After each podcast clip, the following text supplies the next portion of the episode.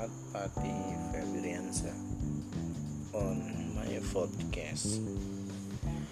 And on this occasion, I want to sharing about technology and innovation.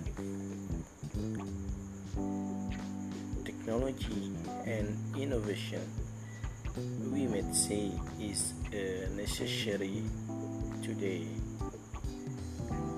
because almost all jobs use technology.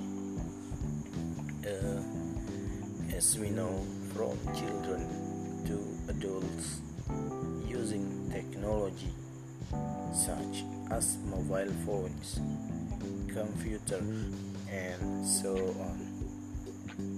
Indeed, we cannot avoid technology that very much in use throughout the world today. As in companies also use technology because it can simply be and speed up work. Then uh, at this time, in opinion, yes, innovation in all aspects is very necessary because uh, many competitors sell or make the same goods. This is where the role of innovation is very important to make consumers interested in the items we offer so we can compete in the market.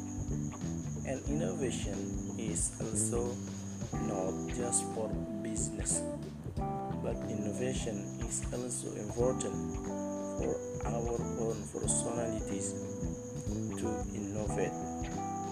Our mindset for the better to change our behavior for the better also exists and innovation And because innovating yourself is important to be useful to many people. So, technology and innovation but have an important role today. Thanks to all who have listened to my podcast this time may be useful.